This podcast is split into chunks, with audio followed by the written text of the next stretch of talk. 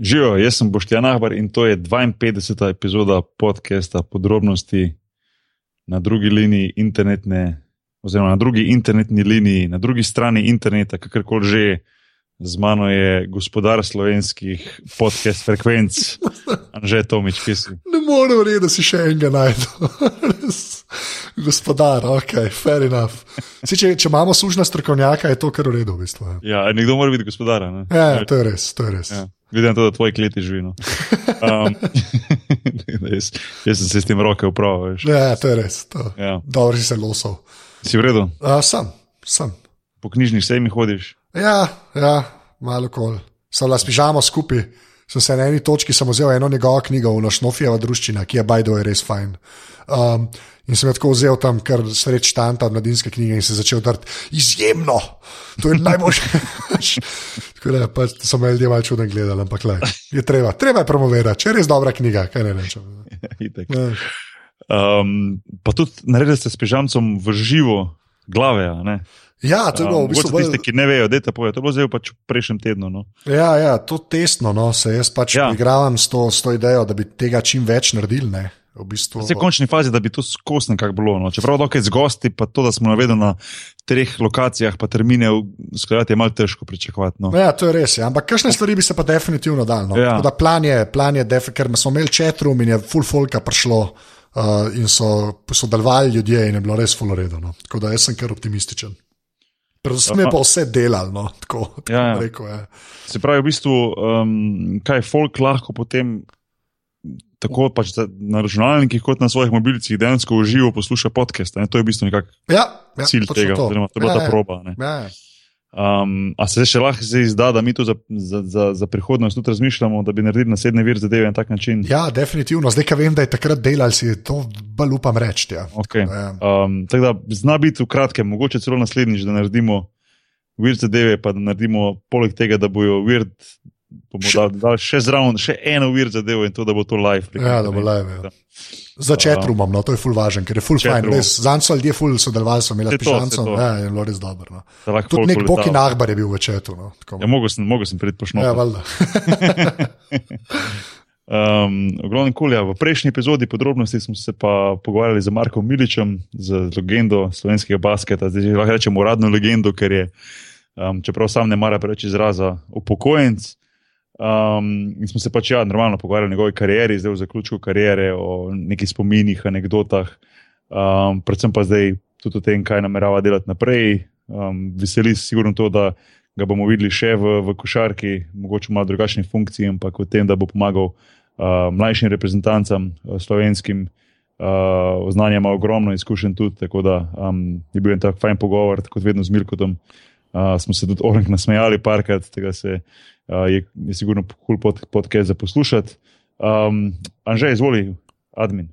Ja, podcast je valjda na aparatus.si, smo tudi na Facebooku, uh, tam posrčite aparatus.si, na, naš sužen strokovnjak, ne, uh, vestno tvita na afna podrobnosti, počrtaj si, tako da to poslete, dajte nam kakšno oceno v iTunesih, uh, predvsem pa full hvala vsem, ki nas podpirate, da lahko nadgrajujemo opremo ker dejansko jo in se to, kar pozna, si upam reči. Uh, to naredite tako, da greste pa na aparatus.si slash podpri oziroma slash salca, ker nam date denar, dobite pa za ston štalco.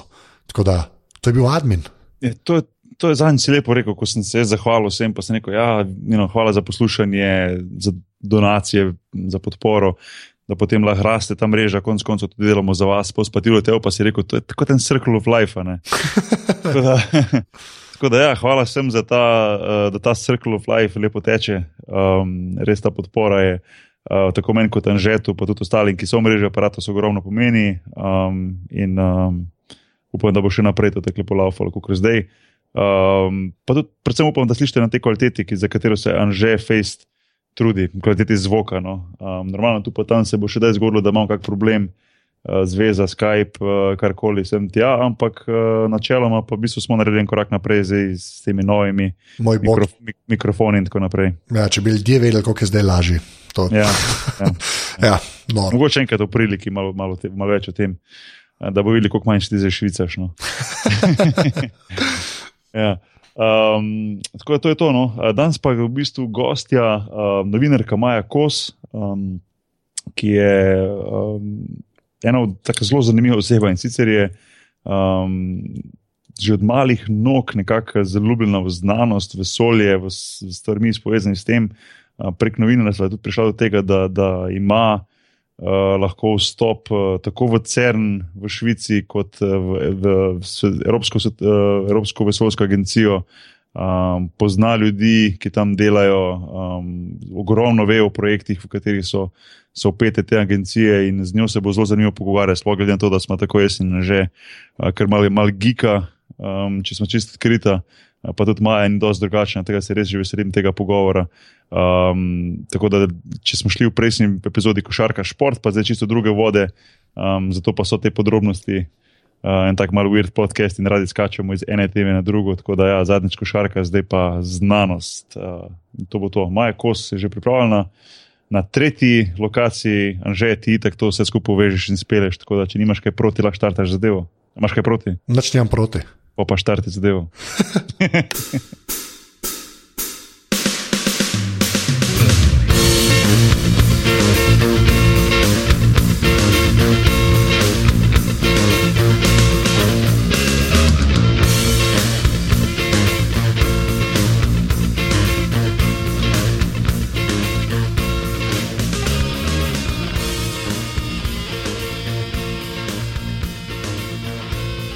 živijo. Uh, torej na drugi strani, oziroma na tretji strani linije je Maja Kos, Maja živijo.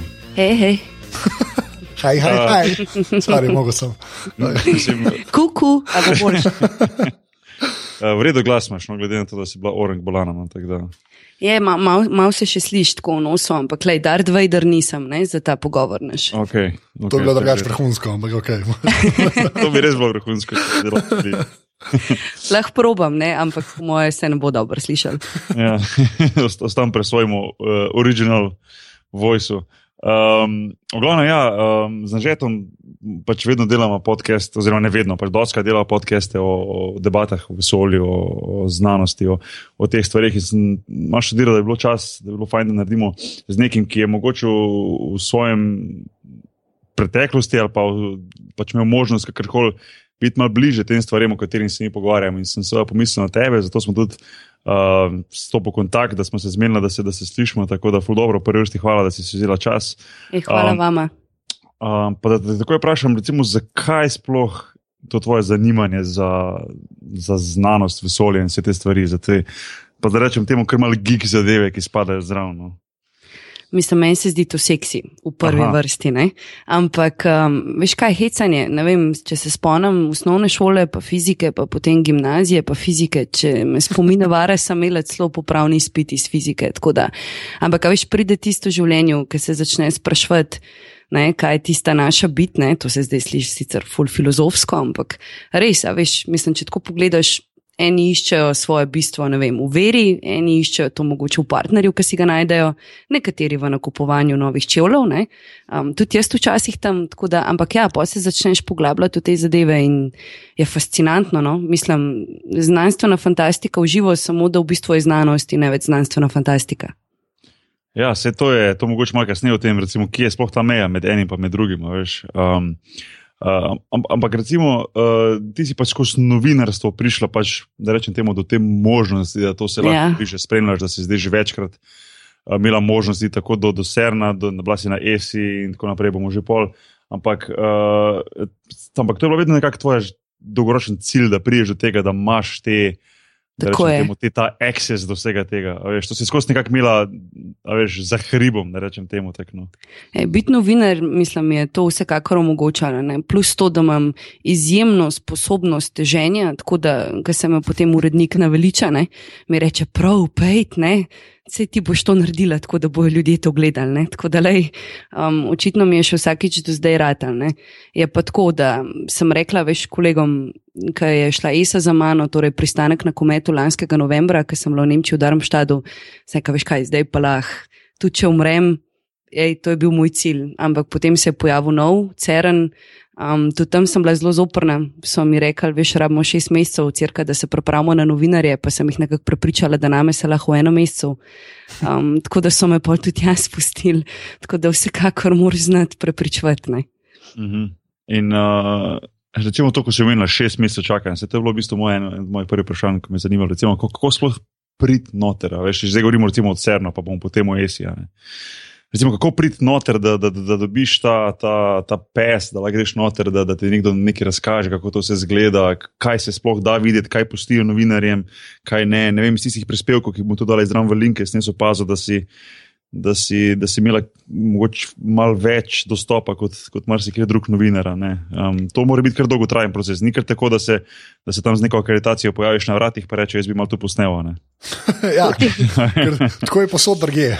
Ja, ali nismo v Sloveniji dosti tako navajeni, da prideš nekam, pa, pa gremo. Ne, ne vem, tako se mi zdi. Ampak dobro, vse mi jasno, da je to čez nek drug nivo, pa nek drug, nek drug svet. Ampak vseeno me zanima, no, kako kak sploh prije do teh, do teh, prvo do teh kontaktov, oziroma a ne, potem pa do tega, da dejansko priješ tja, da te nekdo spusti, no, da, to, da tako rekoč odpre vrata.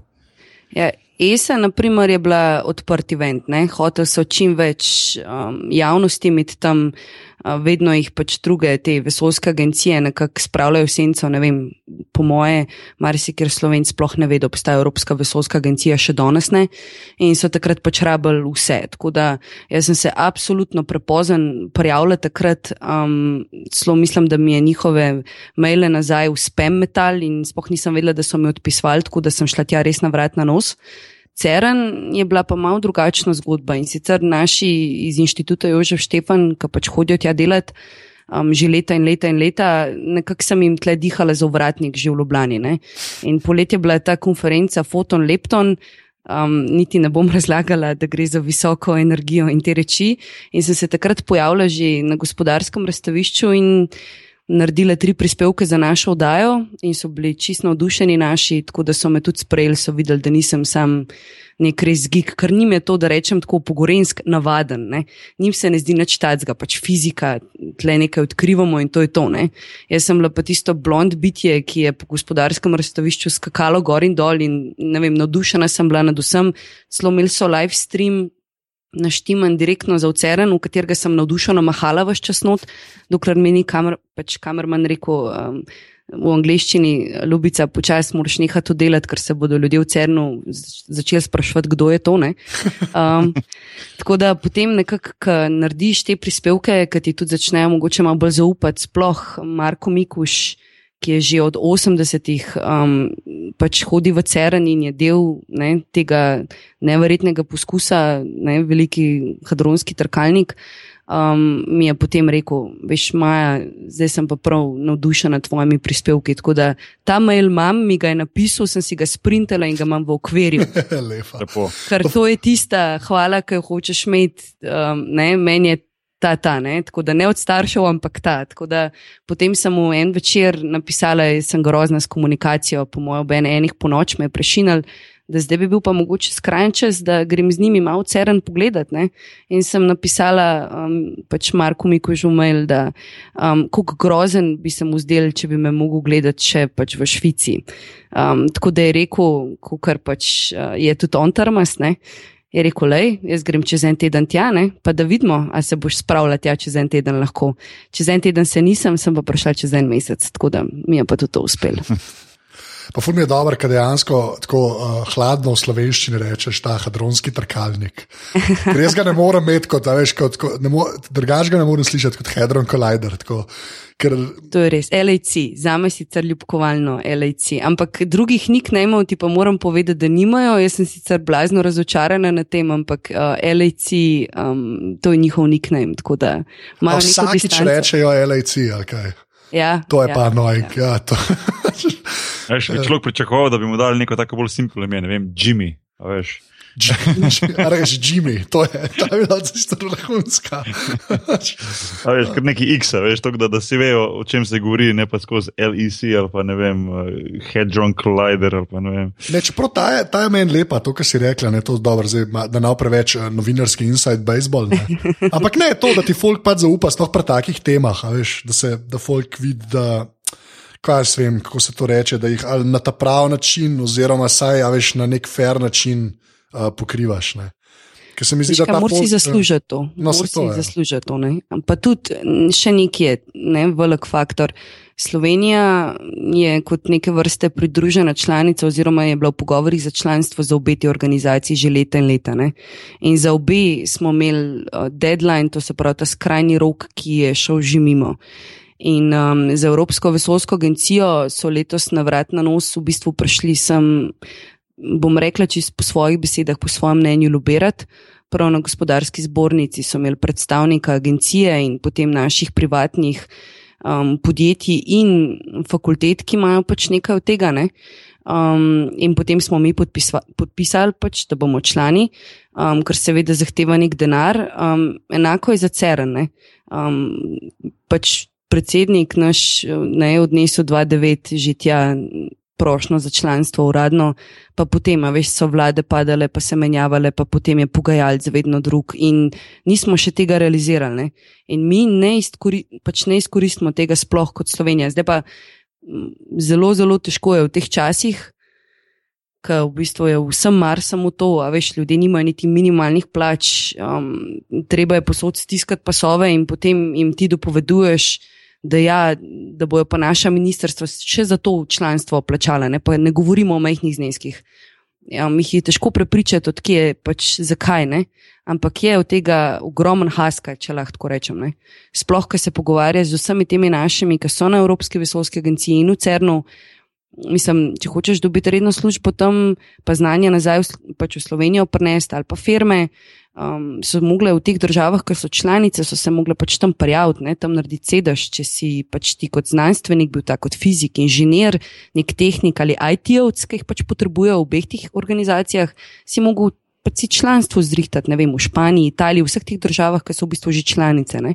Ja, druga sploh zraven ne moreš priti. ali kaj? Mislim, Ne, Aha, ne. okej. Sem, sem pa spoznala v Cernu um, res izjemno zanimivega fanta, ki je pa dejansko prišel prek razpisa, recimo Slovenija pač ima neko navidezno pridruženo čakajoče članstvo, še vedno ta trenutek v Cernu, kljub temu, da so zdaj pogovori stekali. Um, in on se je prijavil na razpis CERN-a izven, to se pravi, inštituta Jožef Štefan, tega, da pač oni sodelujejo skozi njimi, bolj nekrat prostovoljno in na lepe oči in na svoje stroške.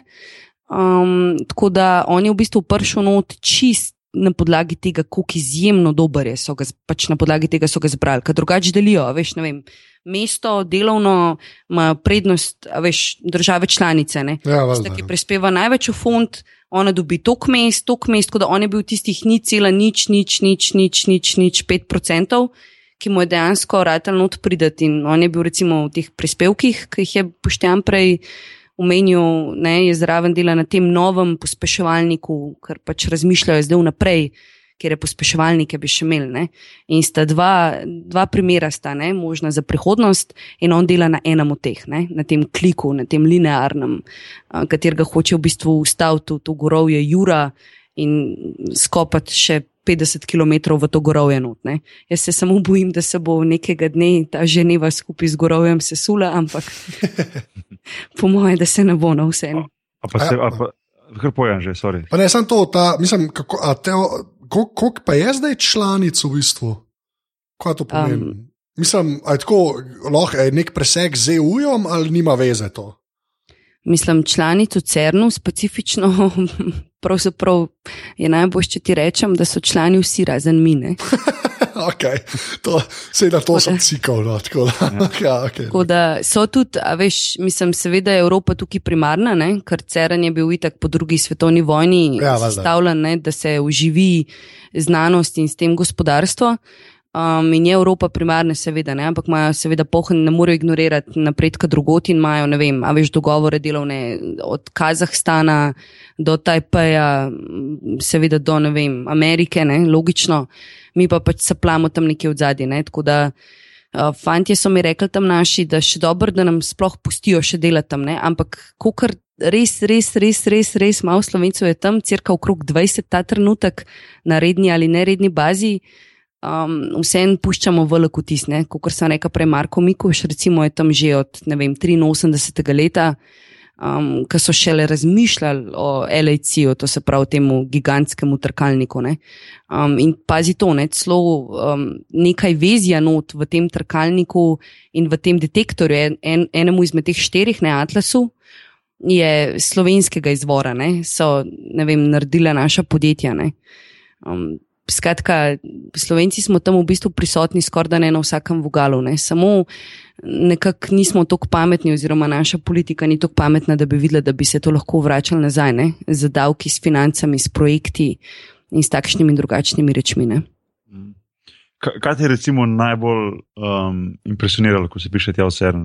Je to, ta, a, a, a je to, da je to recimo tako zapleteno, noter so neke te razne, ne vem, sejne sobe, oziroma kompjuterske sobe, računalniki, monitori, tja, ali v bistvu, da je vse tako preprosto, da bi človek mislil, da bi moglo izgledati fullball, pa v bistvu izgledati kot ena taka, mogoče malo bolj komplicirana fabrika. To si zdaj hoče reči, zgledati kot v filmih ali ne? ja, veš, zgledati kot v filmih. Ja. No, tako je, evo, dobro, še bolj špačani. Um, veš kaj, najbolj me je presenetilo, ampak to res, brez heca. Um, ko je čas za kosilo v tisto njihovo menzo, ki niti podrazno ni menza, kot si mi predstavljamo menzo, um, pridrvi vem, od 3000 do 6000 ljudi. In vsi se pogovarjajo. Noben, jaz sem bila, po mojem, edina, ja, ki je gledala sorry. v svoj iPhone. Sem mislil, sorry, sem mislil že, da se vsi začnejo tep za pladne, za kosilo. Pladno je dost. Okay, to je tam okay. vse organizirano, celo menza je taka, da imaš v bistvu po, veš, po nacionalnostih imaš um, kitajski kotiček, kitajska hrana, pa Obej. potem imaš italijanski kotiček pa potem imaš tisto. Vsekakor ti lahko povem, si iz lastne izkušnje, da um, najcenejša, um, najcenejša hrana v bistvu v celi Ženevi, kot sem imela jaz, tika s tem, ker drugače tudi po moje kosa pice ne dobiš pod 20 evrov.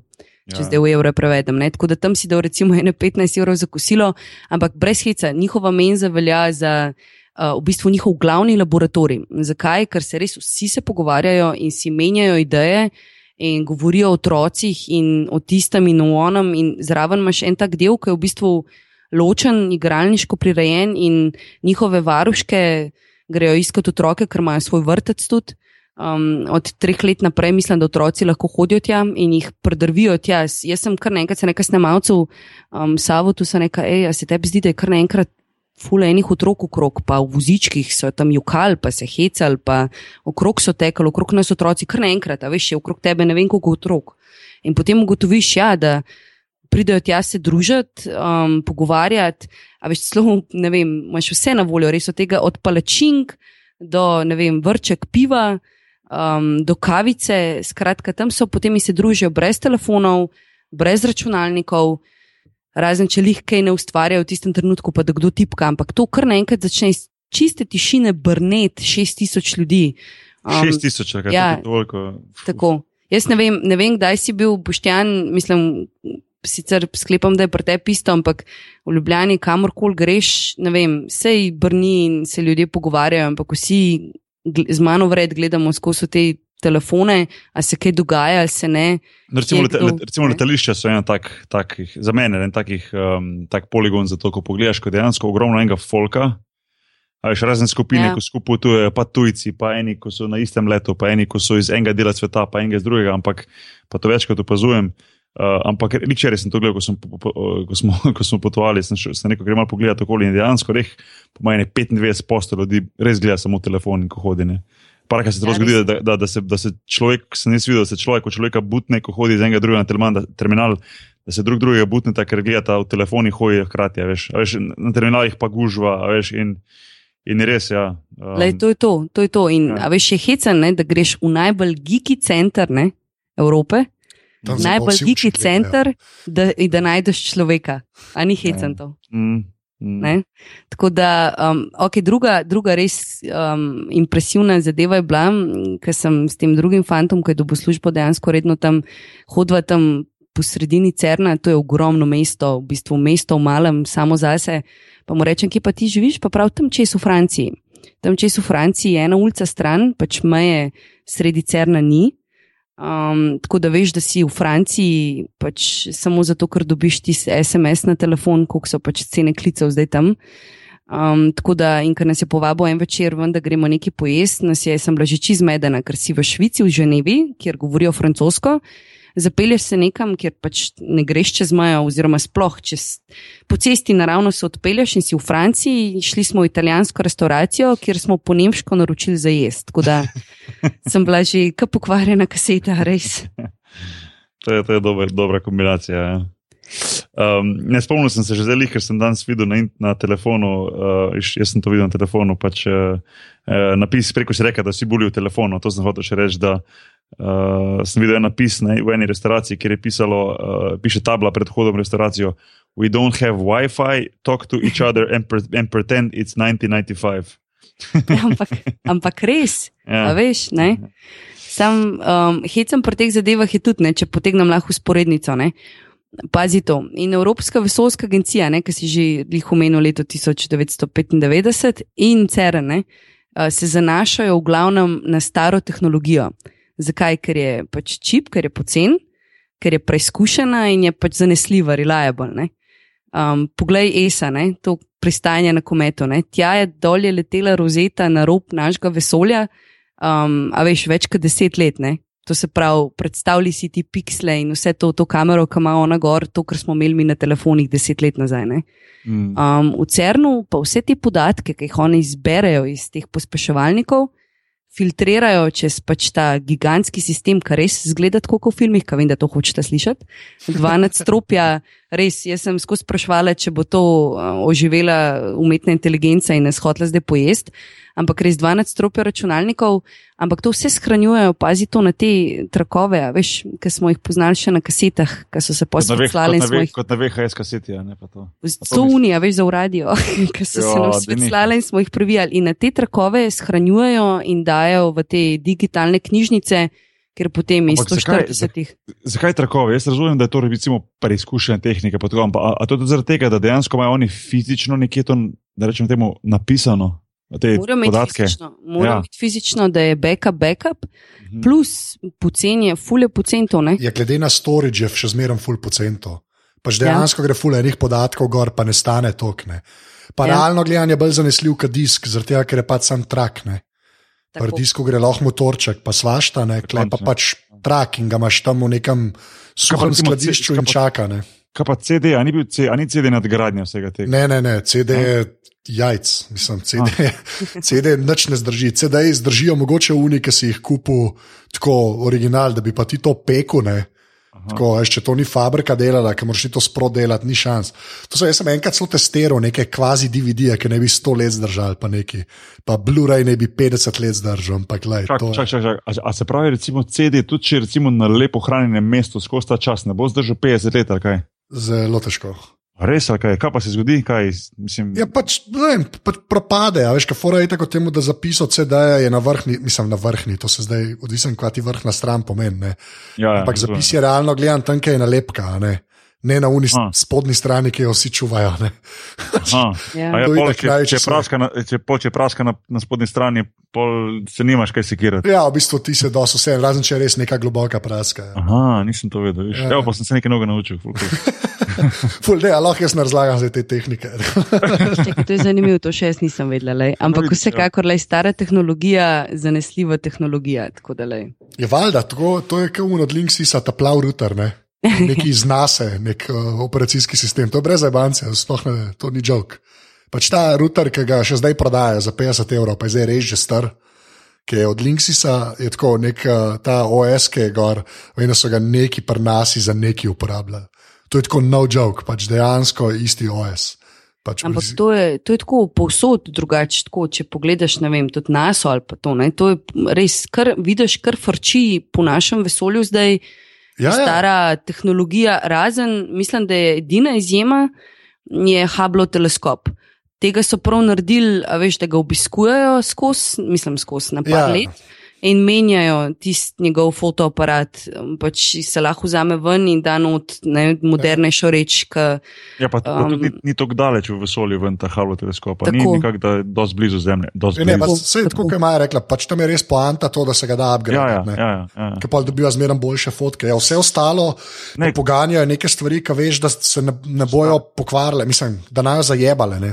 Nekaj, nisem to nikoli razmišljal, lepa to, ko sem spremljal to rozeto, pa se to, pa tudi konec koncev Matt Taylor, znanstvenika glavnih na tem projektu, smo imeli že, že na podkastu um, kot gosta, ampak nikoli nisem razmišljal, da v bistvu, mislim, vedel sem, da je deset let oziroma nekaj takega bila ta sonda v zraku, ampak nisem pa razmišljal o sami tehnologiji, veš, da je v bistvu tako stara za nazaj, veš, tu se pa na zemlji tako hitro to vse spremenja, tam je pa res tok zadnja. Kaj se bo še dogajalo, recimo, z tistimi sondami ali pa s tistimi uh, plovili, ki, so, ki zdaj potujejo še dlje, kot je šla rozeta. Mislim, se pravi, res to je ena taka tehnologija, ki bo čez 10, 15, 20, 30, 50 let res orang zadnji.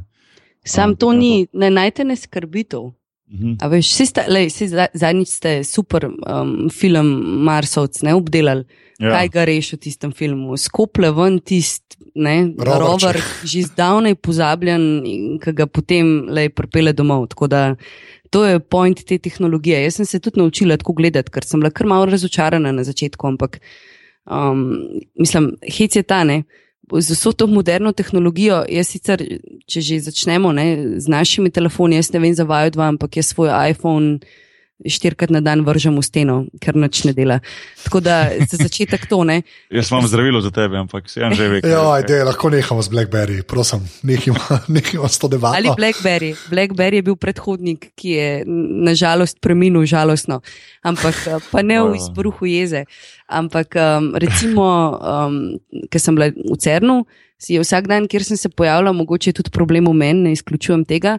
Ampak uh, prvi dan, ko so me pelali, recimo v Atlas, ta detektor, ki nadzoruje, kaj se dogaja dol, a veš, gleda v prvi vrsti, kaj se dogaja v trkalniku, ki pač eksperimente pobira, ne, te v bistvu računalniške podatke, je trkalnik crknil. Se zgodi, pri tej pošasti sedem milijardni, se zgodi uh, konstantno. Ampak potem sem lahko prišla pač v Atlas, kamor sicer kamera ne sme, ne? vse nekaj ni panike, gremo naslednji dan v ta glavni kontrolni center, bomo tam posneli. Ne? Pridem tja, snimam eno uro, mi kaže vse in potem reče teta. Pač v angleščini, no, zdaj pa če pogledate na ta ekran, o, o ne, in jaz, kaj pa je, o ne, we lost the beam, izgubili smo žarek, in jaz, o ne, se je pokvaril spet, kaj tacga, to se skozi dogaja. In v bistvu, kamor sem prišla, nekaj ni delal. Ali je recimo crknil projektor, ki je projiciral podatke, pa noben ni vedel, kaj se dogaja, razen unka je videl to na svojem skrinu na računalniku. Um, skratka, konstantno se je nekaj dogajalo. Zadnji dan, v bistvu na tem računalniškem centru, to, kar sem preomenjala, da je v bistvu kot neka umetna inteligenca varianta, um, se je prav hecel ta gospod, je rekel, um, parkrat mi je rekel, a naj pokličem varnostnike. Um, tako da mogoče je bil res umen problem, ne? ampak ja, a veš, se dogaja. Maja, Allah, nehaš, prosim, v CERN hoditi, zato ker tam, tam imajo antimaterijo, pa vse te stvari, da ne kaj narobe. Res, zaradi tega, ker si tam, ker slabo srečo zgleda pri nas. Um, Samo ne, v filmih. Ja, ja, ampak eh, to sem videl prispevke, da v bistvu to, ko je bilo nekaj v filmih, te antimaterije, pa če se recimo uh, pride v stik z materijo in tako naprej, da to potem ne vem, neka, ne vem kakšna eksplozija. Pa, to, pa sem pa videl prispevke, da to sploh ni res, da to sploh se ne, ne ni to, da je to sam v bistvu neka, nek mit. Um, kako se tebi to tam razloži? No? Jaz sem skozi ta antimaterija, to je bilo huško, neki rajedska bomba na svetu, da, da bo samo to vse ok, da ne bo kdaj kaj narobe. Ok, vi tam odkrivite Higgso bozon, pa delite, kako hočete, strkalniki, sam ne sem iz antimaterije špilata. Ne? Ampak ni to teklih. Ne? Ne, antimaterija je tako resnična, kot je materija. Pač to je najbolj si predstavljati. Vse, kar vidiš okrog sebe, um, ta zvok, ki ga zdaj slišimo, to, da pač se pogovarjamo, ne vem, računalniki, ki so pred nami, pač vse to, kar je, je direkt. Obratno od tega tudi obstaja. Ne? Zdaj, hit je sam, da sta ta dva sveta, um, pač bom rekel tako, zelo lajično, neodvisna en od drugega. Ne?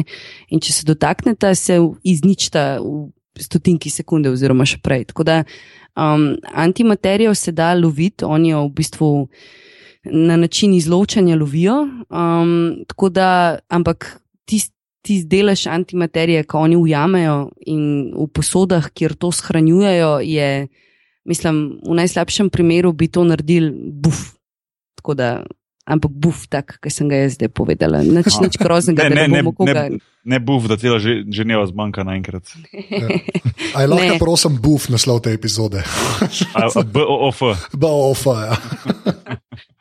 Ne, ampak res, če, če odpreš um, vem, Google ali karkoli od tega in utipkaš CERN, po mojem, dobiš ta prvo pet strani nekih teorij zarote in kako bo to vse eksplodiralo. In res tudi jaz sem govorila tam v bistvu s taksistom, prvi dan, ki me je prpel, so ful ponosni na ta svoj CERN, ampak so rekli, pač ne, malo nas skrbi, ne, da ne bi kaj pač eksplodiralo, ampak po mojem, najhuj, ki se lahko tam naredi.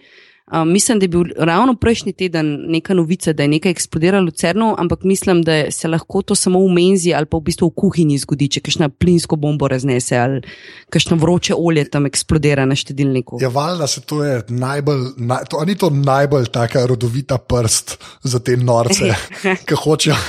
pač to je res, če, če doma imaš folijo na glavi, ne, come on, man. Ta, ta trkalnik, to, ni, ne vem, kva je lepšega, realno gledano. To je, je boljša NASA, ki je šla na Luno. To je nekaj, ki je pod zemljo, vse ima to, to je kot iz Bonda, te negativci. Pač vse, crno vse ima, res tunel nerealen, res, to je čisto dobro. Še, Mislim, to, da oni te trke sploh ustvarjajo v tem gigantskem trkalniku, 27 km dolgem, v bistvu je devet teh pospeševalnikov. No? Trkalnik sploh ni ta pravi naziv, v bistvu, ker samo v določenem delu oni povzročajo, da se to trč.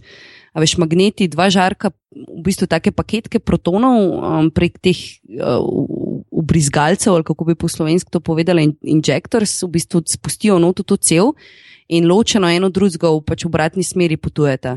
In potem z magneti, ki so obdani v tej cevi, krivijo, ne vem, ohlajeni na temperaturo outer space, to se pravi vesolja um, z vodikom in z vsem tem, um, in z magneti ukrivljajo to na določeni točki, tam, kjer oni hočejo, jih trčijo. Ne? Ampak teh trkov je potrebnih, a veš, na kupe in na kupe in na kupe, da dobiš tisti idealen trg, da bi izkorist iglo v kupici se nas, se vem, zlajna fraza, ampak res je tako. Ne? In potem, ko pride do tega trka, to v teh štirih detektorjih, v štirih sobah, Atlas je eden izmed njih, um, opazujejo. Veš, dajo na jedilnik, ti zdaj rečejo, kjer fiziko bomo pa danes kuhali. Prav dejansko se tako pogovarjajo, naredijo meni in potem oni iščejo temu rečejo novo fiziko. Ne? In iščejo te delce, veš, ali pa dokaze o obstoju teh delcev, ker to se tako hitro zgodi. Oni dejansko ustvarjajo te prve, prve trenutke, ki je prišlo do tega velikega poka, ki je naše ja. vesolje nastalne. In oni ponazarjajo ta trenutek, veš, in ti trenutki so neskončno, neskončno majhni. Ne? Se to, ampak, ampak tako mene, mene kot jaz to štekam, to je tako, uh, mislim, da se bo to narobe slišal. Ampak tako, pač, hotel sem reči, duhamoren del, ne? pa ne duhamoren v smislu, ampak tako, to res vse traja. Ne? Ja. Jaz sem, se mi zdi, da imajo ljudje full tak feeling, da to delajo dva tedna, pa se pa nekaj zgodi. Ne. To so tako. Ja, ne, a veš, kaj ne. Ja, ne, štekam, še enkrat mislim. Ja, veš, tako, ta, se mi zdi, da to se doskrat pozablja pri vseh teh stvareh. Veš, da ta pač znanstvena metoda pač zahteva ne, svoj cajt ne, in potem neki ljudje res konkretno obolevajo. Zato mene pa še ekstra bolj jezijo te konspiracijske uh, teorije v CERN-u, ljudje, ne, ki imajo vsi neke feelinge, da ja, to sta dva modela, ki te nekaj zaletavata in pa bo vse eksplodiralo. Ja, ne, mode, to je 17 tisoč ljudi, ki se obada veš, za eno stvar, ki mogoče sploh ničesar ne bo pokazala. Ne. Tako. Ej, sam Anže, ti si, ti si pa full anti. Uh, Uh, uh, no, kako se že reče, conspiracy theorist. Ne, mene to neizmerno zabava, Ampak okay. me je pol, sam tako, kle, pri takih stvarih, ki so res tako, sploh kaj prcerno, mi gre pa na jedra, ker je to res fulenga truda nekih ljudi, ja. ki se jih financira, te ljudje to dejansko to počnejo. Pa imaš pa tri debile, ki imajo sajte, pa razumeš, podkopavajo vse to. To me najbolj jezi. To, to, to je ipak malo drugače kot Kentreli. Ja, uh, ja. Grem stav, da obstaja sajt, kjer, so, uh, kjer je CERN odgovoren za Kentrele. Staviti grem. Ja. Ampak pa imaš pa še te, recimo, ne, ne sem te, ki očitno zelo, zelo jezijo že ta, ampak imaš potem še te, ki reče, ok, pa kaj imamo mi od tega, da dajemo keštja in ja, te zaletavajo tam neke delce in iščejo in bog si ga vedi, kaj tam delajo, ne, mislim, halo. Imaš ogromno tega, ker um, hec, mislim, genialnost tega je v tem, vsaj tukaj jo jaz vidim, ne, da sproti med tem, ki to delajo, ogromno enih stvari za naš sproten življenje pogruntajo. Ne. Recimo posebne, posebno vrsto fotovoltaike, recimo, ne. celo ženevsko letališče je prekrito recimo, s tem. Ne. To je kaj, cer. To, kaj je to? Sorry. Te sončne celice Aha, sončne na strehah. celice, ne, okej, naprimer, aha. potem, zahvaljujoč CERN-u, imamo rentgene ne, um, v medicini, na letališčih, kjerkoli češ. Potem imaš um, čist iz principa, da, da je teh ne vem, nekaj tisoč znanstvenikov lahko med seboj komuniciralo, oni so imeli ta intranet. Nek internet je pač, vse vemo, ameriška vojska pa to je že pač obstajala. ne. Ja. Um, in so imeli oni enostavno, so pač si imel gospoda, ki je rekel, ok, pa dajmo narediti ta pa ta protokol, ne HTTPS, pa te reči, ne, pa je nastal trikrat dvojni V, ne, ki se je potem lansiral v trikrat dvojni V, ki ga poznamo danes. Je bil pa originalno na- narejen za potrebe, da so oni med sabo pač lažje komunicirali. Ne. To je ta del, ki mene fascinira. Potem To, je čisto postranske zadeve, ne, v bistvu. Na Kao primer, ne. Ki so, ki so orang spremenile celo človeštvo, konc koncev, mislim, človeštvo. Pač, ja, zdaj, današnji čas. No. Ja. Tako. Plus, ne vem, od teh, um, ki sem prej omenjala, te ne, injektori, ki v bistvu te protonske paketke v te cevi not lansirajo v trkalnik. Recimo, zelo, zelo, zelo pomanjšano verzijo sem pač jaz na lastne oči videla tri prototipe. Um, Uporabljajo to recimo za zdravljenje raka, ne, to da lahko bolnice za vem, rak, pač najbolj splošna metoda je obsevanje. Um, in pač vemo, kako to je dan danes. Ne? Pač, Ker se obseva, sicer zaščitijo človeka, tiste okoliške dele, ne? ampak še vedno ga užge. Ne? Na način, na te delce, ki oni uporabljajo, na način, ki oni predlagajo. Recimo se zdaj že v dveh zdravstvenih centrih v Evropi uporablja, veš, da se ko ta laser se zapič v tisti rak in samo tisto cvrene kot obsevalna metoda, vse ostalo ostane celo. Ne? Če je ne vem, rak na grlu, vrat cel ostane nepožgan, se kuri samo recimo tisto, ne? kuri dobro, zdaj sem res lajčen. Ja, ja, pač samo rakave celice, kako bi temu rekel. da se Ja, bistvu ni, ni teh stranskih, a veš, visoko, učinko, pač visoko učinkovite metode. ne, Um, tako da res je fajn, no, to sprot v bistvu, kaj delajo in to je znanje, ki ga oni skozi dajo potem ven. Ne. Ni nekaj, kar bi oni prodajali, ampak je znanje in metode dostopne vsem. Ne. Ok, ja, bolnica mora kupiti. ne, Tako reč potem, ne, oziroma jo mora nekdo izdelati, um, in so potem se ponovadi le zapletene. Ampak tudi to se vedno uspešno reši. In to je pač vedno je prioriteta, sploh za CERN, da je znanje dostopno vsem, da znanje je za vse, znanje se vrača nazaj. Ja, ne, tako si, tako sta oba prej rekla, v bistvu, oziroma si ti potem rekla, da je najbolj smešno so pa tisti ljudje, ki govorijo, ja, pa kaj tam neki, neki nek trkalnik, pa neki v bistvu. Men- Meni meni je res čudno, en sploh, ki recimo mogoče nekaj o tem ve, pa da vseeno hoče to nekako um, uh, potisniti na stran, pa reči, da je nepomembno. Mislim, konc koncev, se oni se ukvarjajo v bistvu z najbolj bistvenim vprašanjem, ne, ki, ki bi moglo biti bistveno za vsakega, v bistvu, kako sploh obstaja vesolje, oziroma zakaj. ne. Mislim, vse to je v bistvu končna njihova, ne reče tega, misija ali, ali ni s tem trkalnikom. V bistvu oni hočejo videti, ne, nekak, da, da bi rekel temu nazaj v času in proti ugotoviti, zakaj, kako je nastalo vesolje in konec koncev posledično tudi, zakaj smo sploh mi tu. ne. Tako, Mislim, a časovni ne. stroj. Ja, in da rečeš temu, da je, da je to brez veze, pa da ne, ne namenjati nek denar tja, pa da je nepomembno. pa Tako, mislim, za mene je to davč pomembno, kot pa marsikatera druga stvar. No. Um, Vse smo rekli na začetku, Ja. ja. da eni Mm. pač iščejo te, to biti kje druge, ne? pa mogoče so jo že najdel. Ne? Mogoče koga sploh ne zanima, ne? se pogled, koliko ljudi zgodovina ne zanima. Ne? Pa je najboljša učiteljica. Da, um, je pač fascinantno, ne? ampak je pač prav, da se podpira te zadeve in mogoče za tiste res skeptike, ne? um, jih potem prepričaš vsaj tako, da pač je z roko v roki s tem gre pač ogromen tehnološki razvoj in napredek. Um, s tem, da v CERN-u so pač res. Mislim, hecanje je edino tono, pač ko prideš tja, zdaj vem, zakaj v nobenih serijah National Geographic ali Discoveryja ali kjerkoli drugi ne vidiš nikoli, ne vem, kakšnih fulepih beauty shotov tega, um, tega mesta v malem. Ne? Zakaj? Ker zgleda res nekaj hujše od socialističnega, če lahko tako rečem. ne. Res rolete visijo dol, um, barva posodniki visi, um, nekaj se lušči, tisto se lušči, res dajo vse v bistvu denar, dajo v pospeševanje znanosti, dobesedno. Ne? Um, in je v bistvu od zunaj izgleda res grozen. Ampak tako, če pogledaš, sem prvi dan vprašala, okay, zakaj pa ne prenovite, ne? ampak to je tako veliko mesto, res, da če bi začeli zdaj le prenavljati, en del bi, po mojem, lih, ki bi začeli drug del crna prenavljati, bi prejšnji del zastarel. Ne? Ja, ja. Um, Ja, to je pa- res mesto v malem, tako anti-Vatik, znanstveni Vatikan je tam sam zase, šest tisoč ljudi, minimalno je tam, imajo svojo pošto, banko, Um, ne družijo se izven cerenskih meja, recimo s preostalo Ženevo ne, in potem tudi s Francijo. Ne. Ni nekih uh, vročih hip-hop klubov tam po Cernu. E, ja, veš, da zabavati se poznajo. Imajo, po moje, ene sto klubov, vse od uh, smočarskega do hip-hop, do movie kluba, um, do horror movies kluba, to se pravi izključno za ljubitelje grozljivk. Ja, konstantno jim nekaj dogaja, celo imajo enkrat na leto štafeto um, kjer um, gasilci sicer solidarnostno tečajo z vso upremo, pač ker ostali znanstveniki cel dan za računalniki pa take reči ne, niso jih najbolj fit.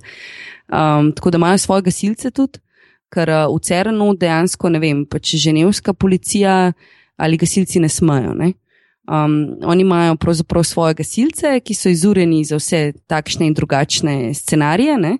Um, in oni potem tam absolutno najlepši del crna, če lahko dodam. Um, tako da so tam glavni asi, ne? glavni unaki. Pa da bo imeli čim manj dela. Ne? Ja, to pa, to pa. Bilo, bilo, bilo dobro. Jaz sem mislila, da je full panika prvi dan, ko so se propalali z lučmi, res lih pred vhod, kjer sem jaz ven stopila in so prišli cel čas. Če si ti uletela v CERN, če si ti uletela v CERN, valjda, da so bili, da je bila panika, ali so mislili, spet bo šlo kaj narobe. Boštjane kosilo so šli. Aha, okay. ja, to, to je bil sam kaudnem, to je bil kaudnem. Te operacije, maja prihaja, veš, to je to. um, recimo, kaj pa tvoje izkušnje z ESO? Recimo, prej si rekel, da oni so bili zelo tako odprti, vsaj glede tistega um, dogodka, ko je v bistvu Rozeta pač pristajala na kometo, da so pač bili odprti vsaj do medijev. Um, normalno, to je seveda čist druga stvar, ne vem, vesoljska agencija, ki se pač direktno ukvarja z. z, z uh, lansiranjem objektov vesolja in z raziskovanjem vesolja in tako naprej, ampak, ampak vseeno, recimo, um, se da mogoče kakšne sporednice potegniti vmes uh, ali v bistvu to čist, čist neki, bom rekel, svet za sebe, pa, pa drugačen način delovanja, pa, pa tako naprej. Mislim, tako, tako bom rekel. No. ESO prav spoznala, tako kot CERN nisem. Ne. Bila sem tam nekaj dni in vse se je vrtelo okrog tega dogodka, in smo praktično živeli v treh sobah, takrat novinari in snemalci. Uh, um, in živiš v bistvu za tisti dogodek, ne? in ne spiš. In, mislim, krasno je sicer. Jaz ne vem, če lahko veliko ljudi to reče, razen mogoče tisti, ki to čutijo na svoj uh, poročni dan, ampak. Ker sem se zbudila takrat novembra zjutraj in sem vedela, da bo to dan, ko bomo pristali na kometu, sem rekla, da se zbudi zjutraj in veš, da bo to tvoj najboljši dan v življenju, lej, priceless. Ampak um, Mislim, usporednica je zagotovo ta, da se vsi za eno in isto reč prizadevajo, ne samo da Evropska vesoljska agencija pač frči po vesolju in to išče ne? in sprobavati z možnosti, medtem ko v CERN-u pač razbijajo osnovne delce, da pridejo do teh odgovorov. Um, ampak ja. načeloma ja, zelo odprti tudi tam Matt Taylor, ne? katerega sem pač tudi mm. jaz nadlegovala tri dni v Darmstadu v Nemčiji. Faca, fula, um, ne. Ful. Tako da um, tudi to je bil tak dogodek da tam je bilo res, mislim, po moje na hektarjih in zdaj se ne zmišljujem, um, ker si pogledal čez okno v um, kombi, pač uh, DSNG za prenos oddaje v živo, ogromne zasedbe produkcijske iz vseh TV kanalov, vseh možnih svetovnih, iz Japonske, ne vem, ZDF, pa potem Discovery je bil tam. Um, jaz sem bila tam sama, pa snemalci bil pač ne z mano in prvi dan so se nama sicer vsi smejali. Um, naslednji dan smo bili že največje face. Um, in recimo Matt Taylor in pač njegova zasedba znanstvenikov, mi smo se takrat nekako, bom rekel, poklopili, ker smo bili vsi zelo odprti in človeški in smo se znali pogovarjati en z drugim. Medtem, ker pri drugih snemalnih ekipah je to tako izgledalo, da je mogel ta prvi producent z Mattom Taylorjem govoriti, pa potem so mu dali scenarij, pa potem so pol ure kadre študirali. Um, jaz sem ga ujela, ker si je šel pač gospod počaj. Ne? Um, in je rekel, ni problema, imam pet minut, samo odložim čaj in se reče, ne, ne, lahko čaj piješ med tem, ko te snemamo in se pogovarja z mano. Mislim, komod, če me pa problem, in je bil čist navdušen. Tako da s tistim sem ga takrat kupla, ker je bil fulutrujen. Um, Tako da, ja, no, um, drugače pa, ja, zelo odprti in so res, mislim, jaz sem imela občutek, da sem da sem jaz sodelovala pri tem projektu najmanj desetletje. No? Tako pač, itek sem se že sama po sebi poživela na to zadevo, ampak um, pač imaš občutek, da si del tega, ne? psihologija množice. Ne? ja, ja. No, ampak tudi mislim, ena razlika recimo, CERN je normalno pač na eni lokaciji, medtem ko ima ESA recimo več različnih um, temo, postaj po Evropi, ali ne? Ja, ja, ESA je um, pač v treh teh glavnih centrih pač razparcelirana, ampak tudi CERN je, veš, pač, ja, ok, CERN je ta pač, ne matična točka, ampak načeloma se CERN dela vsak dan po celem svetu. Um, ta, oni temu pač rečejo mreža, ne? Um, imajo 140 držav povezanih v to mrežo. Not, to pomeni tiste trakove, ki smo jih prej omenjali. Sem bila zraven, kako zgleda, ne vem, kaj si nek gospod v Tajpeju na univerzi te in tej zmisel, da bi, da bi imel pa pač rad podatke tega pa tega trka. Um, pač se poveže na to mrežo, klikne in um, pač ta računalniška roka zagrab tisto kaseto, jo naloži in pač mu je dano pogled v milisekundi. Um, in je skozi povezan, in vsi delajo, tudi Slovenija iz dveh centrov dela v bistvu za CERN konstantno, um, ker imajo premalo prostora. Ja, so oni tudi povezani z zunaj. To pa nisem vedel, ja. da so oni bolj zaprti. Ne samo, da so povezani, ampak ne, ah, kje. Pri pr obeh organizacijah temelji na tem, da je znanje od vseh in se to skozi output, da se skozi ven. In celo um, bistvo je, da ti nosiš del njihovih podatkov. Ne? Tako da ne vem, v Sloveniji imamo recimo dva serverja, ki sta domača serverja za nekaj njihovih podatkov. To se pravi, za neko drugo državo, če oni hočejo, ne vem, te pa te podatke imeti, je možno, da dostopajo na našem serverju, pač preko našega serverja, ne? ker enostavno imajo oni, zmanjkuje jim počasno kapacitet. Um, ja, pa so šli pa vse offside dela, vse to je smart v bistvu. Ja, ja. Ja. Še en center ima celo, to je sicer računalniški, pač na mačarskem, ker je bilo za njih najceneje. Tako da tam imajo še celo en manjši center, pač njihov glavni problem je pa pač voltaža, po domač povedan, ker v 70-ih nobenci pač ni takrat mislil, da bodo rabili med um, tok in tok razpoložljive elektrike in prostora, če smo pri tem. Ne? Ampak um, ne vem računi, koliko elektrike že porabijo za to, da ohlajujejo ta dva nadstropja teh računalnikov, ki procesirajo vse te podatke. Res, zgleda, to pa res zgleda kot nekaj znanstveno-fantastičnega filma o umetni inteligenci. Kaj takšnega še nisem videla, res. Um, glede ESE, um, so mogoče veš, recimo, so kakšni projekti planirani zdaj za za prihodnost, recimo to, ki je zdaj govor, recimo v zadnjem času o Marsu, ne, ker eh, recimo NASA zdaj že ne parkrat skliče posebno tiskovno konferenco ne, in ogromno medij se specuje potem na znanje, vem, da so našli pač, eh, da rečem, da simplo povedano, vodo na Marsu in tako naprej. Um, recimo, Kar je pod vprašanjem. Ja, no, se pravim, zato sem rekel, da rekovaj, ampak, um, ampak vseeno, recimo, ima ESA, da rečem, podobne apetite kot nas, ali tega, so oni ločeni od nas, ali oni tekmujejo z nas, ali, ali, ali, ali sodelujejo z nas, kaj je recimo med tema dvema velikima vesoljskima agencijama. Veš? Nisem NASA, pa ESA, ampak pa so še tukaj, recimo, vem, Kitajska, Kitajci, um, ja. Ja, pa tudi Rusija. Um, in sodelujejo v bistvu vse med seboj. Mislim, zagotovo ne delijo vsega, delijo pa velik del. Ne? tudi CERN sodeluje pri tem, recimo, poleg. Ne? Ampak, um, ja, delajo vsekakor skupaj, vsak prevzame recimo en del nalog um, ali pa en del testiran. Um, ESA se vsekakor ukvarja, ne vem, recimo z radiacijo, um, s problemom, nekaj glaven problem. Um, Za potovanje, misliš? Pot, tako, tako ja, do, ja. do Marsa. Um, potem, a veš, recimo, se najame in dela to, in dela tisto. Ne? Ker NASA, NASA je imela predvsej obobožen proračun. Tako da milo zadev, ja, tako ja, milo rečeno. Mogli, oni so mogli Ruse najeti, oziroma so še najeti, da, da z njimi se vozijo gor pa dol. Kako že? Pa ja, ja, sojuz. sojuz je sojuz, pač ja. dejansko dokaj kul. Cool, Ja, okay. Lahko sem nekaj dodal, to, ja, da je hecen to, da nek ameriški astronaut rab več časa, da pride do tega launching peda, kot kar potem rab časa, da pride do mednarodne vesoljske postaje. Jaz bi samo to dodala. Vem, samo je pa pocen. Ja. Ja. Sojuz je pač nerealno pocen. Ne. Se fiče tudi poceni. Ja, no, le, o, čak, fiče te ne sprav. To, zdaj, ta, ta, to, pa ta primerjava je. Okay, padla, sorry, lada, lada, lada. Ne, sej NASA, NASA ima razvija ta svoj nek program, tudi naprej. Mislim, da imamo mi celo neko podjetje v Trbovlah, ki um, software razvija za te nova nasine, novo serijo nasinih uh, plovil, ki bodo frčala v krog. Ampak ne, ima zraven recimo so vse finance dal not v.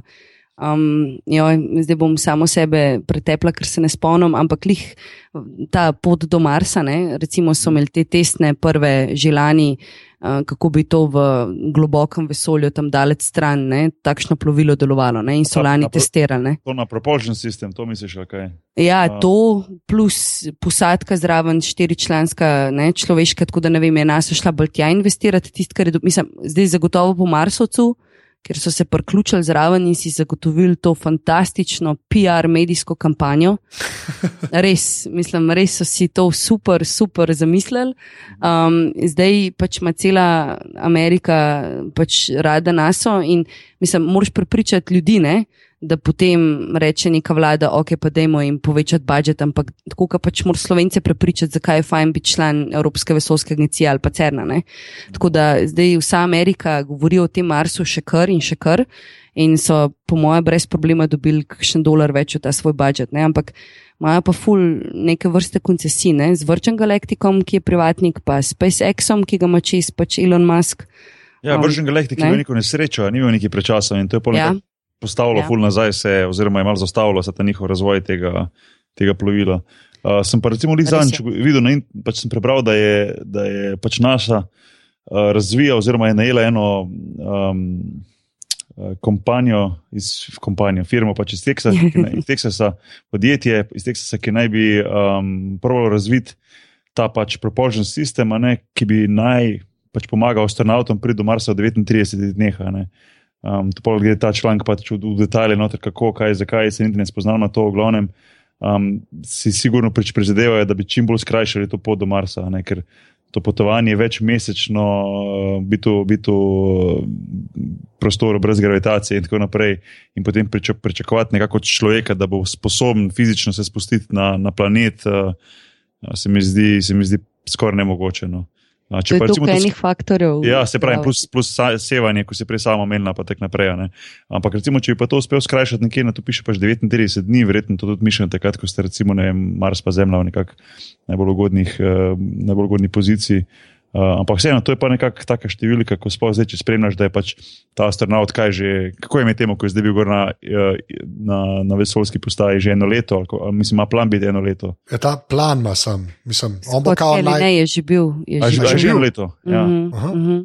Ja. Tako da on je, mislim, naš, recimo, inštitut Jožef Štefan, pa nas dela v planici, ima ta center, ki dela v mhm. bistvu študije na tem, kako se pač naše telo obnaša v breztežnostnem prostoru tok časa. Ne ampak um, fulejnih faktorjev, pač ne samo dolžina poti. Ne? 39 dni ti nič ne pomeni, če te vmes, se oproščam izrazov, sprži radiacija, ne?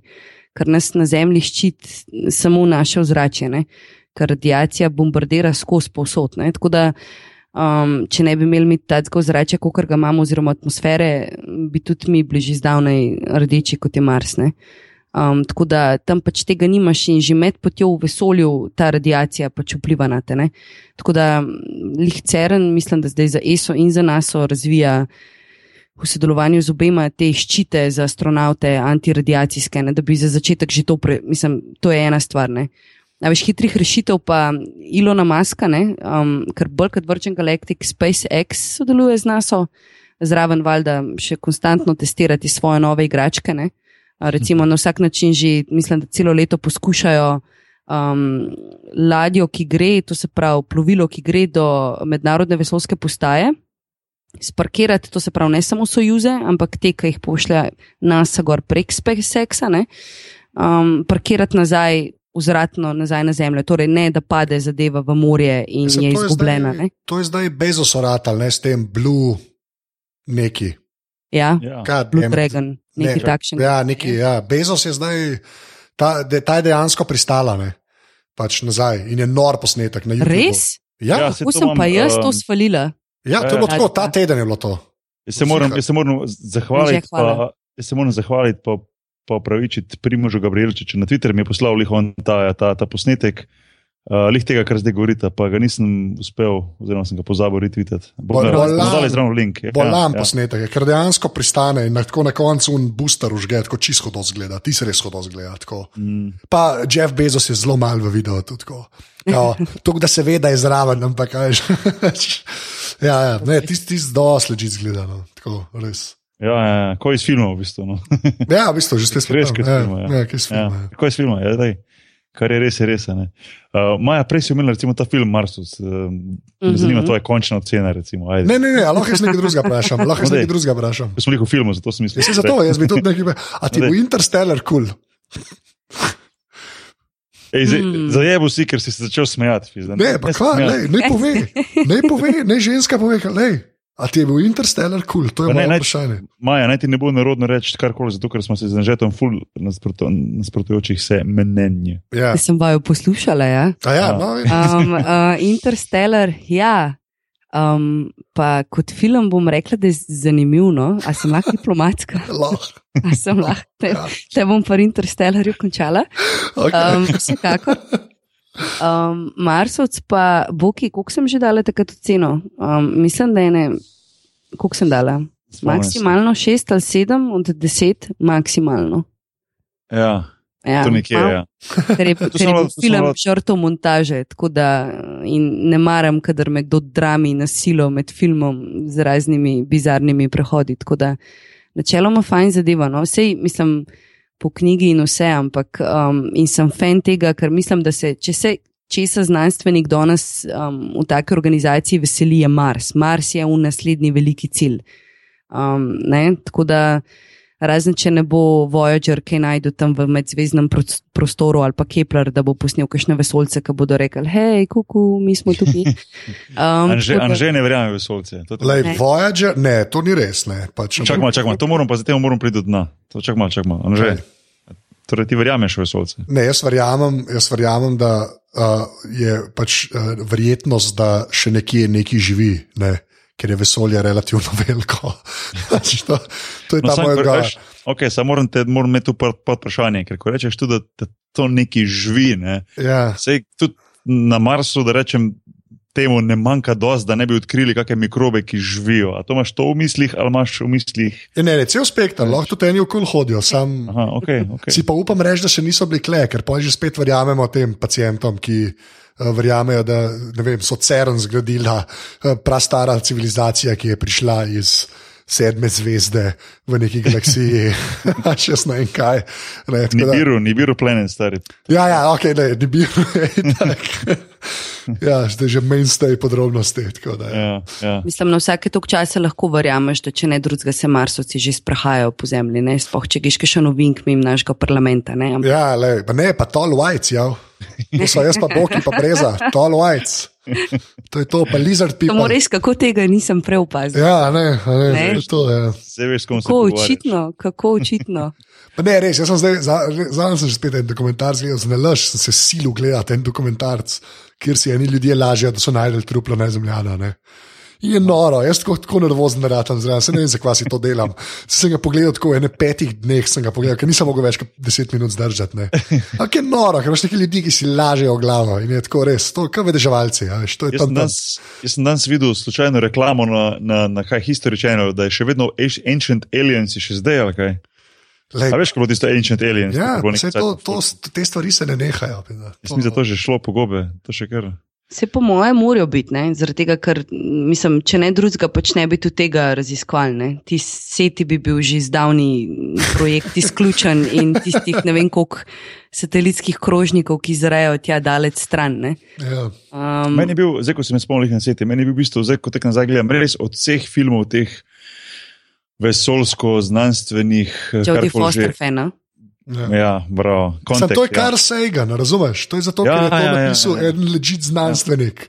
Ja. Ne en model, ki ima pet minut cajt in reče, da v Venezueli so najdel pa kamen, kjer vidiš astronauta gor. Res je to kar nervozen. Dobro, to je smešno, ko, ko, pol, to, to sem jih zadnjič razlagal. Ja. Enkrat sem rekel, ko, ko je bilo iz oddaja, ko sem tudi jaz živčen poslanik, ko gledam neke oddaje, pokaže pa v Egiptu. Eh, Ti se stare njihove hieroglife, pa je narisane kot neki ptič, pa kot da zgleda, da je not pilot in pol to pomeni, da so bili pri nas vesolci. A Ja. Veš, ker Ja, to je to. To je to. to je to. To je to, ja. to.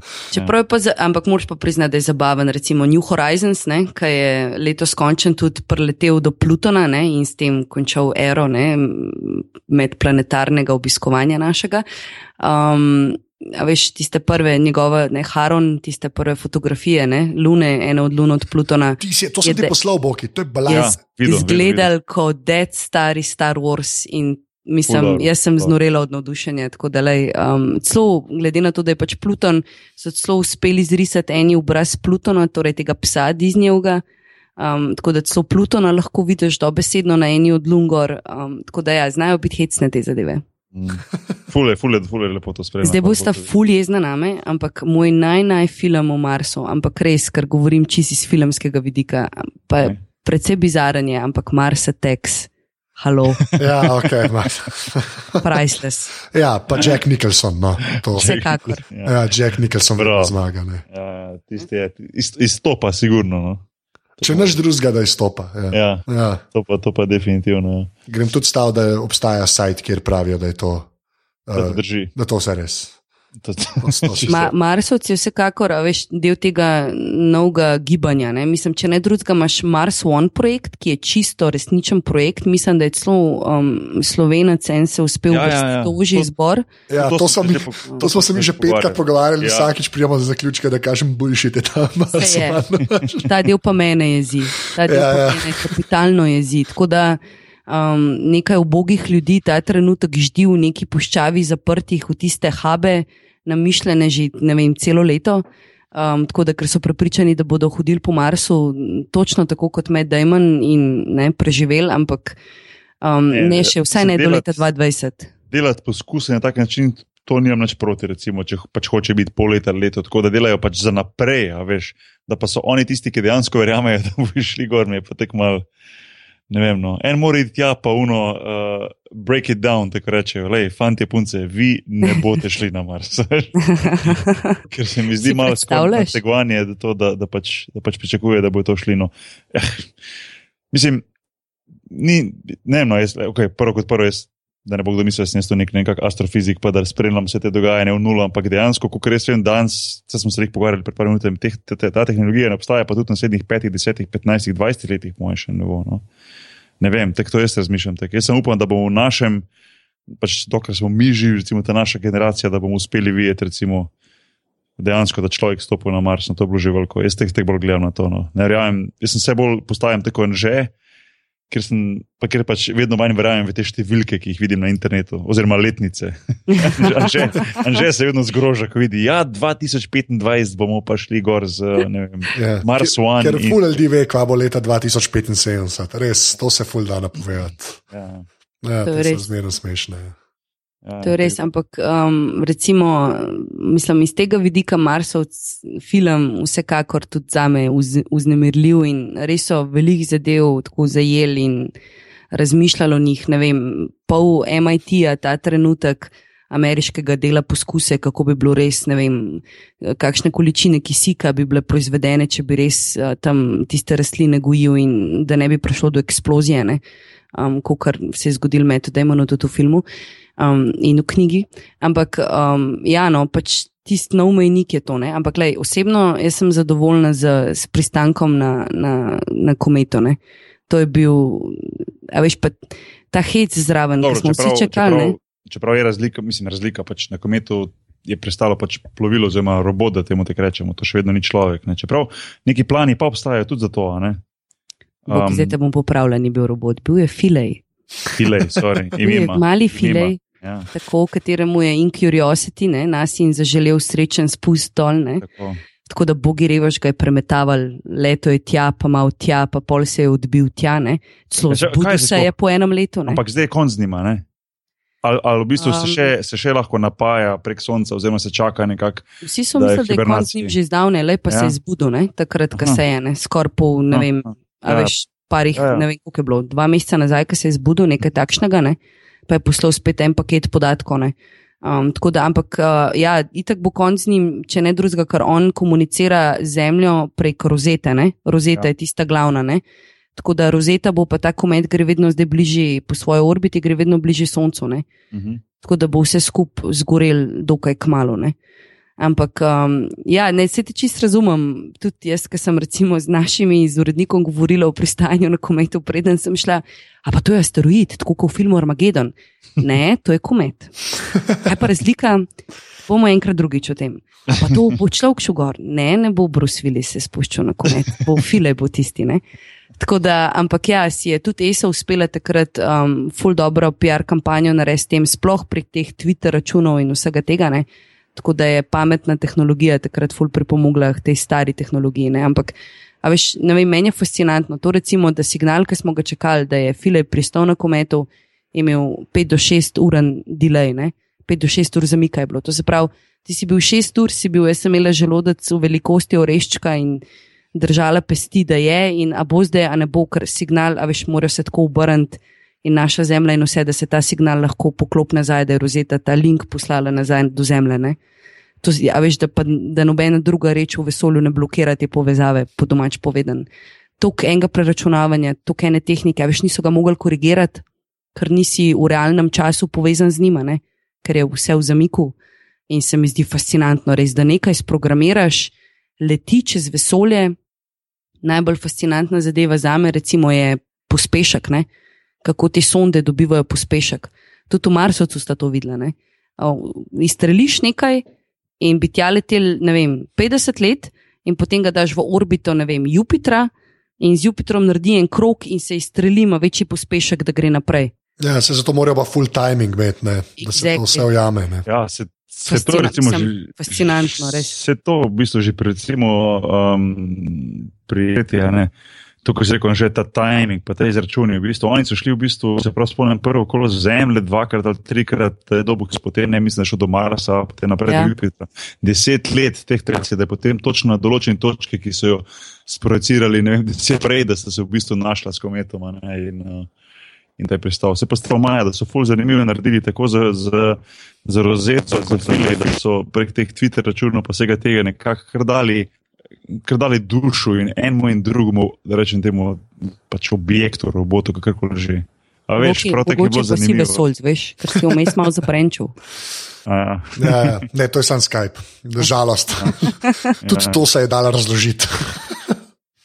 Ne, se isto, um, isto, mislim, isto. Podobno je šla ta sonda, ne, Nasina, ne, New Horizons, ne, ki je prišla do Plutona, pač letos poletne. Um, je isto nekaj, nekaj let je potrebovala, da je šla in je šla mimo vseh v bistvu um, naših planetov in je prišla do Plutona. Tok dolg časa je rabila do tja, da se je vmes uspela znanstvena srednja skregati, ali je to planet pač ali je to pritlikavi planet. Ne? Zdaj uradno je pritlikavi planet, čeprav se še vedno vsi ne strinjajo s tem, ni več naš zadnji planet v Sončju, kot so vsaj nas učili v osnovni šoli. Ampak um, skratka, rabla je ta sonda tudi nekaj časa do tja, ampak na isti način, ne? te pospeške in vse to. Meni se zdi to res fascinantno. No? Ja, itak, ja. To može biti orang. Um... Orang stručko, tako da če da lahko te stvari naprej nekako izračunaš, pa speleš. Ja. Um, a je mogoče zdaj od katerih koli teh um, akcij, organizacij, kakšen tak projekt, mogoče, ki, ki je pripravljen za prihodne? Uh, ali je v bistvu to, kar vidimo, ali je mogoče kaj takega, kar, kar, kar smo bili, kar, za kar smo lašeni 50 let naprej, da se zdaj že ve, da se bo zgodilo. V bistvu pač to so nadgradnje teh te stvari, ki zdaj vidimo, se pravi, vem, še izboljšati potovanje oziroma direktno komunikacijo prek plavil do, do mednarodne vesoljske postaje, potem seveda um, probati v nekakšni fazi priti do Marsa uh, z, z, z, z ladjo, z plavilom, z čom. Uh, gor, ne vem, ali je Luna spet kaj vi. Um, če moš ti več, kaj, kaj, kaj nas čaka v 7-5-10 letih. Po mojem se je lani um, uživ, pač vse skupaj je uživelo na novo. Ne? Do tega smo vsi kar pozabili, pa smo imeli samo to naso. Pa, in je to tone. Pole pa lani, ESA je, je vso, vse to, kar si rekel, ne? je v bistvu lani začel pristajati oziroma se približevati temu svojemu cilju, ne? za kar so bile te sonde namenjene. Tako da um, predtem smo imeli v glavnem samo. Rover je na Marsu, no? če tako res grobo, grobo povzameš. No? Um, in kaj je, ne vem, ta ne, peti rover odletel na Mars in uspešno pristal, je pač javnost to zanimanje menil. Pač ok, še ena reč, ki se vozi tam po rdečem planetu. Um, tako da po moje zdaj prihaja z vsakim mesecem kakšen zanimiv del. Če me vprašaš, javnost je itek um, pač vedno bolj navdušena spet, ne? veliko novih stvari se dogaja. Bojim se sicer čisto osebno, da bo to zanimanje spohtel, ker bo pač, ker se človek enkrat navadi nečesa, ne je pač to rado običajen in potem spet ne, um, da ni pač to nič takšnega. Ampak ja, ne vem, ESA konstantno izstreljuje nekaj, sicer ne v globoko vesolje, daleč stran, ampak v to našo bližnjo vesolsko soseščino. Um, od tega, da imamo ogromno teh satelitov okrog, od tega, da bi imela pač v okviru ESA svoj ali GPS sistema, ne, da ne bi bili pač od ameriškega odvisni. Od tega, da se skozi nadzoruje, um, recimo, vremenske razmere, ki se dogajajo na Zemlji, pač iz satelitov na Zemljo, pač da gledajo. Ne. Tako da um, konstantno se nekaj dogaja. Ne? Vsekakor um, nas testira to plovilo za na Mars, to bo po mojem blazen zanimiv. Tako da, ampak teh projektov je ogromen, ogromen, ogromen, ogromen. Že zanimiv bo videti, če me vprašaš, recimo, kaj, bo, kaj bodo glede asteroidov delali. Ker te asteroidi ne, so um, hecni kamni ne, in um, ogrožajo Zemljo, mogoče v večji meri, kot bi si običajen smrtnik to lahko mislil. Vsi se spomnite tega, kar je bilo v Rusiji, zdaj le par let nazaj. Ja. Ja, ja, ja. Ja, ne, tako da um, dejansko imaš um, Asteroid Awareness Day, dejansko dan ozaveščanja o nevarnosti asteroidov. Mislim, da je celo kitarist Queenov, ustanovni član. Um, in v bistvu pritiskajo na vse te velike organizacije, NASO, ESO in podobne, da bolj spremljajo te kamne v naši vesolski soseščini, ker v bistvu samo ne spremljajo vseh, ne, zelo majhen procent ne, in potem kakšen takoj zaide ne, proti zemlji. Tako da tle se recimo Kakor, programi. ogromno je tu enih- Ogromno je tu enih objektov, za katere sem skozi, ko sem pa recimo v zadnjem času skozi mislil, ja pa itak leta in leta in leta naprej lahko oni predvidijo, kaj se bo zgodilo, pa vse to imamo pokrimo, kot da imamo neke, da rečemo, radarje, ki gledajo gore in vse ok. Potem sem pa v bistvu zadnjič poslušal en intervju enega znanstvenika in sem, in sem v bistvu ugotovil, da je v bistvu to ogromno enih objektov, za katere sploh ne vemo, ker so v bistvu zelo težko vidni. Ja, pa recimo, če bi pač. Da Rečem, tega padli na zemljo, mod, uh, orang, orang, uh, narediti, narediti težave, da temu tako rečem. Se pravi, ne samo, da malo se za, za sveti ne bo tako, kot se je lani ali predlani tam nad Rusijo, ampak dejansko bi en tak uh, udarc v zemljo bil tudi lahko zelo, zelo za cel svet, oziroma za, za civilizacijo bi lahko močno pre. To sem imel presenečen, Ja, da, je- da, da, da je v bistvu to neodkritega in da se to ne da to ni tako varno, vse kot se mogoče, nam zdi. To je naše, naša soseščina, je po, naše bližje, bližje, bližje vesolje, tako si sama rekla. No. Ja, se veš, um, pač ljudje centriramo ponovadi svet okrog sebe. Ne? Zelo malo, malo ljudi se, po moje, zaveda, da smo ta majhna pikca na tem majhnem planetu sred te teme. Ne? Tako da, um, ja, pri teh organizacijah je pa pač vse odvisno tudi od financ. ne. Zdaj, glede na to, da so vesolski programi zdaj v bistvu leta zamirali, pač vedno manjši proračuni povsotne. Um, mislim, da je celo Rusija je imela zdaj pač tak primer, ne po tistem nesrečnem poskusu zadnjič, um, ki je v bistvu to plovilo z zalogami na mednarodno vesolsko postajo. Ne vem, če se spomnite, je zadnjič odvrčalo tri krasne, uh, skupaj z oblekami, hrano in z vsem, ki so gledali, kam bo zdaj to padalo nazaj na zemljo. Mislim, da je potem celo Putin prepolovil čist jezen in besen um, budžet ne, za vesolski program na polovico. Ne. Um, tako da, ja, čisto odvisno od tega, ne, to mora en spremljati, ne, en mora gledati, kaj se dogaja, ne, in zato rabiš imeti pač tam človeka, da to spremlja. Ne. Zdaj pa, če ti tega nimaš, pač ne moreš. Ne. Um, in za, recimo za asteroide je tako, ne, si si dose jih spremlja. Um, in tudi potem tukaj najdeš, ne, žetove najljubše teoretike zarote. Um, in dobivajo blazne zabavne imena, ne, zdaj le mislim, da je bil za Halloween, je, je bil Pumpkin, buča, da je letela blizu zemlje, ne? ampak noben sploh vedel ni, ker noben ne gre pogledat, imaš pač javno dostopno razpredeljenco teh kometov, da je pa dva tedna kasneje še trikrat večji, uh, oziroma se pravi, čujem asteroidov, še trikrat večji kamen letel mimo zemlje, ne? veliko bližje, ne? s tem, da so pač nepredvidljivi dejansko, ne, ne držijo se čist pridno teh svojih orbit in ne. Tako da je treba vse to ušteti v to not. Tako da je, mislim, da nas čaka še tako, ne samo let, ampak veliko teh um, zanimivih mesecev, ki bomo, predvsem po mojem, mitrija, fulno navdušeni. Fajn. Um, no, pa la- lahko to pozitivno mislijo tudi občani.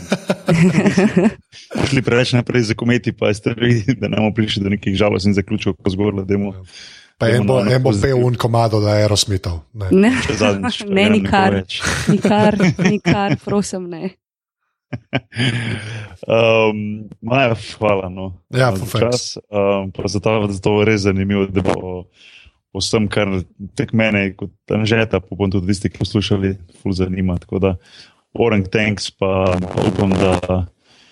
Da se, mislim, na glasu te ni bilo slišati, da, bilo tega, mislim, da si že na dobri poti, da se pozdraviš. no. E, fanta, ja. Hvala vama, ne? pa hvala vsem, ki bodo to poslušali, ne? da me dejansko poslušajo. Vsekakor uh, se vam zahvaljujejo tudi moji kolegi, ki ste v bistvu jim malo spočili v šesa zdaj, ne? ker drugače pač, kot ste slišali, se ne morem izklopiti na teh. uh, dej, uh, povej, povej še, kje si kaj na internetu, da te ljudje najdejo. Hmm, Kje ti je lahko ta hec. Ja. Ne, človek, ki ve nekaj o tem, ampak je blazno, um, blazno internetno nesposoben v današnjih časih. Na Twitterju sem, to priznam. No, jo. no če to je dosti, to je Evo. dosti. Povej, kaj si na Twitterju, to je vrgla. Jo. Na Twitterju sem, počakaj, zdaj moram pa se že spomniti. Hmm, kaj sem že? Aha, ok. Uh, Ed, Kosova Maja, mislim, da sem prav to. No, okay, odlično, bomo dali tudi link v zapiske. tako da. Evo, če imate kakršno koli vprašanje o ESI, o CERN-u ali pa o, bli, o asteroidih v bližnji soseščini, Kosova, Maja na Twitterju je vaš. Jaz bi dodala samo še to, da za vse teoretike zarot je Anže pravi naslov. Ja, prav. Usmerjamo vaš klic. Uh, lej, prosim, ne. Prosim, ne. Ker na eni točki bo en mail prišel, to mi voljo všeč. tako da, ja. Ne, ne. Uh, ja. Priznani, te, Ne, sploh ne. Dajmo ustaviti to šalo, kot se reče, priznani teoretik zarote, to se gro- tako polomeno sliši. Bom, bom si nekaj boljšega. Ja, mislim si boljša titula, ja, si zdaj hotel reči. Okay. Uh, Maful, Že, hvala. dej poveš še tvoj adres na koncu. Uh, ja, um, valjda podcast je na aparatus.si, smo tudi na Facebooku. Uh, podrobnosti imajo svoj uh, Twitter račun, kjer vestno tvita naš služen strokovnjak, to je afna podrobnosti, počrtaj si. Uh, Drugače nas pa lahko tudi podprete. Pač, ja, ful hvala vsem, ki to delate. Glik don sem plačal server za uh, file MP3. Tako da uh, to lahko naredite tako, da greste na aparatus.si slash podpri. Oziroma na slash salca, kjer lahko nabavite šalco, kjer je neki gor narisan, ni važen kaj. Tako da, ful hvala vsem, ki ste to že naredili, polnike boste. Uh, pa v iTunesih nadajte kakšno ceno, uh, to tudi pomaga. Tako da, to je admin, evo, boki. Super. Ja, še v mojem imenu, hvala sem za poslušanje, hvala za podporo na takšen ali pa na drugačen način. Fulpom, da ste uživali v tem pogovoru. Maja, tebi še enkrat hvala, res. Hvala vam, fanta, vsekakor ste mi naredili ponedeljek. Okay. Zdaj pa vsi rečemo, kva že je buf. Aha, buf je za nekaj. Alaj, bom jaz rekel tri, šte zdaj pa rečemo buf. Evo, tri, Ajde. štiri, zdaj. Buf. Buf, Buf. O, oh, wow, to je bil že efekt. Lepa. Сабвуфер.